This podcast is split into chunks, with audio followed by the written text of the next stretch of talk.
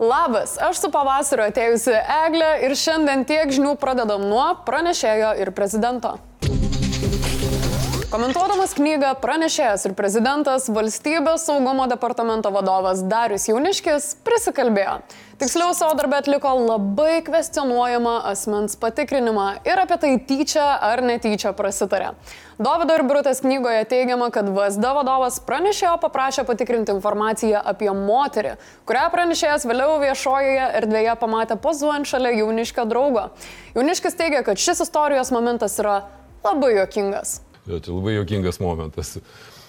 Atsakymas yra labai paprastas. Jauniškis pasitikrino kolegą, o jei tiksliau, Su kokie žmonėm ar, ar, ar kokiom e, moterim bendrauji.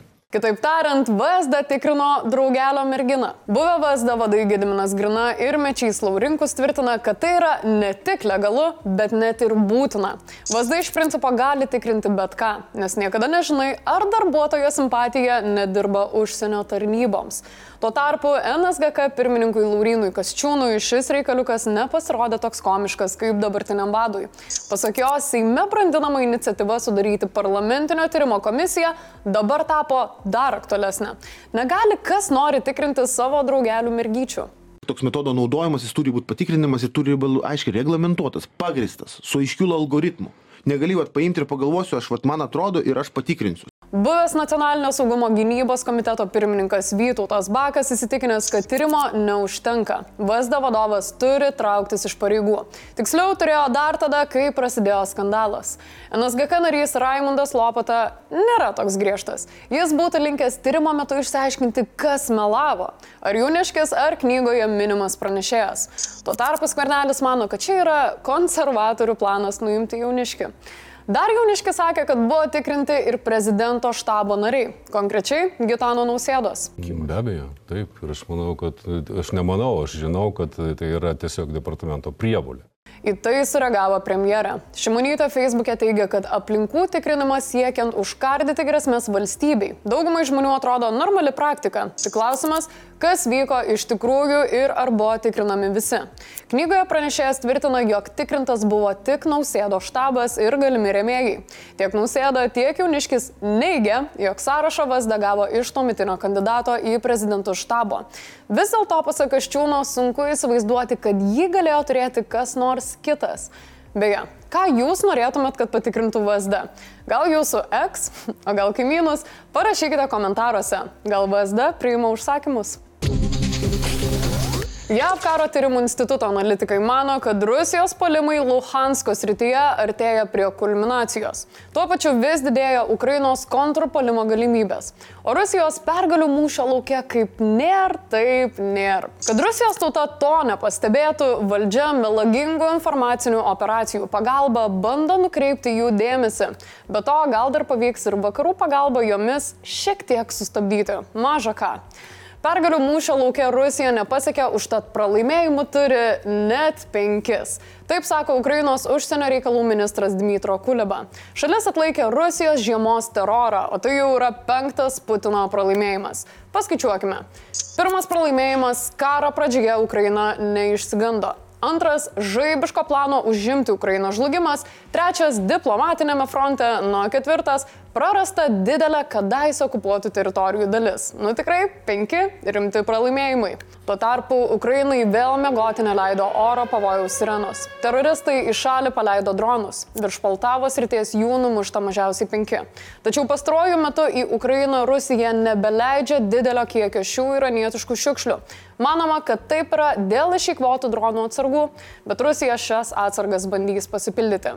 O Rusija kaltina Ukrainą bandymais smogti jos teritorijai be piločiais orlaiviais. Bet juk mes žinome, Ukraina Rusijos nepuola. Ta patvirtino ir Ukrainos prezidento kanceliarijos vadovas Mikhailo Podolekas, sakantis, jog Ukraina kariauja gynybinį karą. Tačiau teigiama, kad prireikus Ukrainos gynėjai gali palikti Bakhmutą ir strategiškai atsitraukti. Ukraina neketina aukoti visų savo karių veltui. O ir neaišku, ar Rusija ten iškart įsitvirtins, nes Ukrainos kontrpolimas jau ne už kalnų. Nuo kol atsitraukimas dar neįvyko, ukrainiečiai toliau sėkmingai siunčia okupantus atgal namo į pragarą. Taip Ukrainos specialiųjų operacijų pajėgos pasitinka rusų turistus Bakhmute. Septyni okupantai po taiklių šūvių jau pirmose eilėse klausosi Kobzono. Beje, Štai įdomus faktas apie okupantų gyvenimą ne savo šalies teritorijoje. Novoje gazeta Europos žurnalistai padarė pranešimo analizę apie dingusius Rusijos karius ir nustatė, jog vidutinė jų gyvenimo trukmė kare Ukrainoje yra 60 dienų. Po jų su jais tampa nebeįmanoma susisiekti. Pienas be laktozės ilgiau išlieka nesugedęs nei rusų karys. Katedros aikštėje stovintis ukrainiečių sunaikintas teroristų tankas T-72B traukia vis daugiau dėmesio. Deja, ne pačio geriausio. Vakar aikštėje buvo sulaikytas 36 metų vyras aerozoliniais dažais išpaišęs ekspozicinį tanką.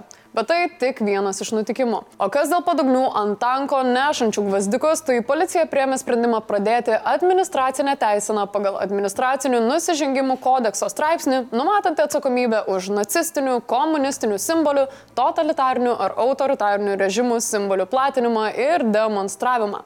Nori dėti gvazdiką, mokėk baudą. Nenori gvazdiko ant tanko, tuomet gali išmesti jį į šalia valdo Bentkunsko atvežtą konteinerį. Beje, tai ne vienintelis tanko panaudojimas politiniams tikslams.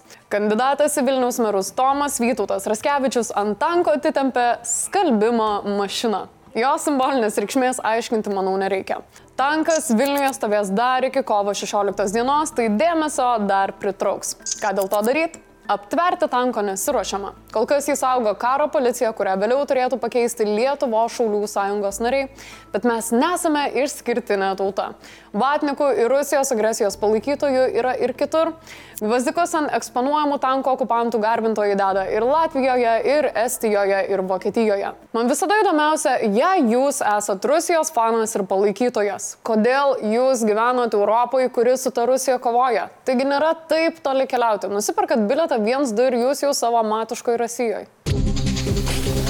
Netoli Graikijos Larisos miesto susidūrus dviems traukiniams žuvo mažiausiai 36 žmonės, o dar 85 buvo sužeisti. Graikijos žiniasklaida šią avariją jau vadina baisiausia kada nors įvykusią traukinio avariją šalies istorijoje. Tragedija įvyko prieš pat vidurnaktį pusiaukelėje tarp Atenų ir Salonikų. Susidūrė du traukiniai, kurių vienas vežė krovinius, o kitas 350 keleivių. Trys vagonai nuvažiavo nuo bėgių. Vienas vagonas buvo visiškai sumaitotas, o iš kitų pradėjo verštis dūmai ir liepsnos. Viduje užstrigę liko žmonės. Liudininkų teigimu, iš pirmų dviejų vagonų neliko nieko. Į pagalbą buvo pasitelkta apie 150 ugnegesių gelbėtojų ir 40 greitosios pagalbos automobilių. Taip pat kranai ir mechanizatoriai, kurie stengiasi pašalinti nuolaužas ir sutvarkyti apvirtusias transporto priemonės. Autobusais į Salonikus buvo pervežta beveik 200 žmonių, iš kurių 26 buvo nugabenti į ligoninę ligoninės. Dviejų ligoninių netoli Larisos buvo paprašyta priimti daugybę sužeistųjų, o karo ligoninės būdyje jų prireiktų.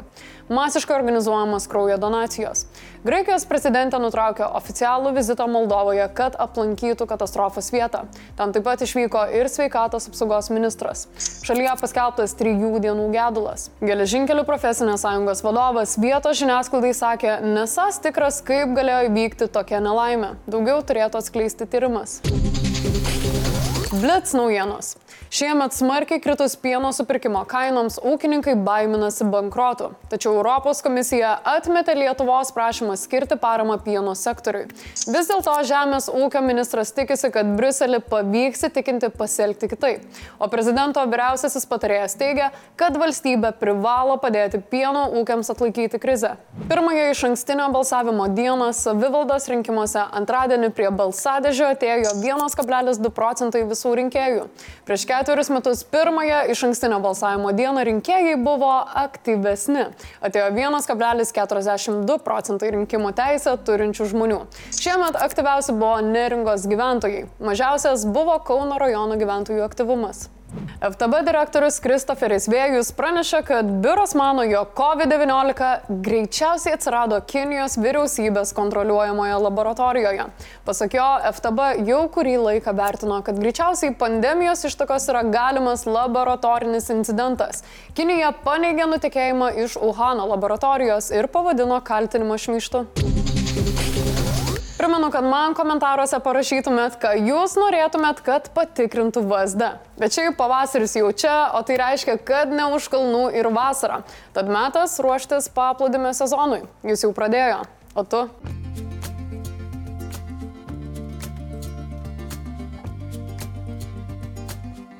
Komentarų metas. Vakar para mūsų gerbėjų pasipiktino, neva mes triname jų komentarus. Mėlyjeji, IT pamoka jums. Išsifiltruokit komentarus pagal naujumą ir mažiau galvokit apie samokslus. O Saza sako, kad jei Dievas yra, tai pamatysime Matijo šaitį pragare. Dėl Dievo negaliu pakomentuoti, bet jei kūniečiai nemėgsta okupantų, tai Matijo Šaičio nepamatysime mero poste. Įmanoma, ne? O šiandien tiek žinių pasimatysim ryt. Čiau.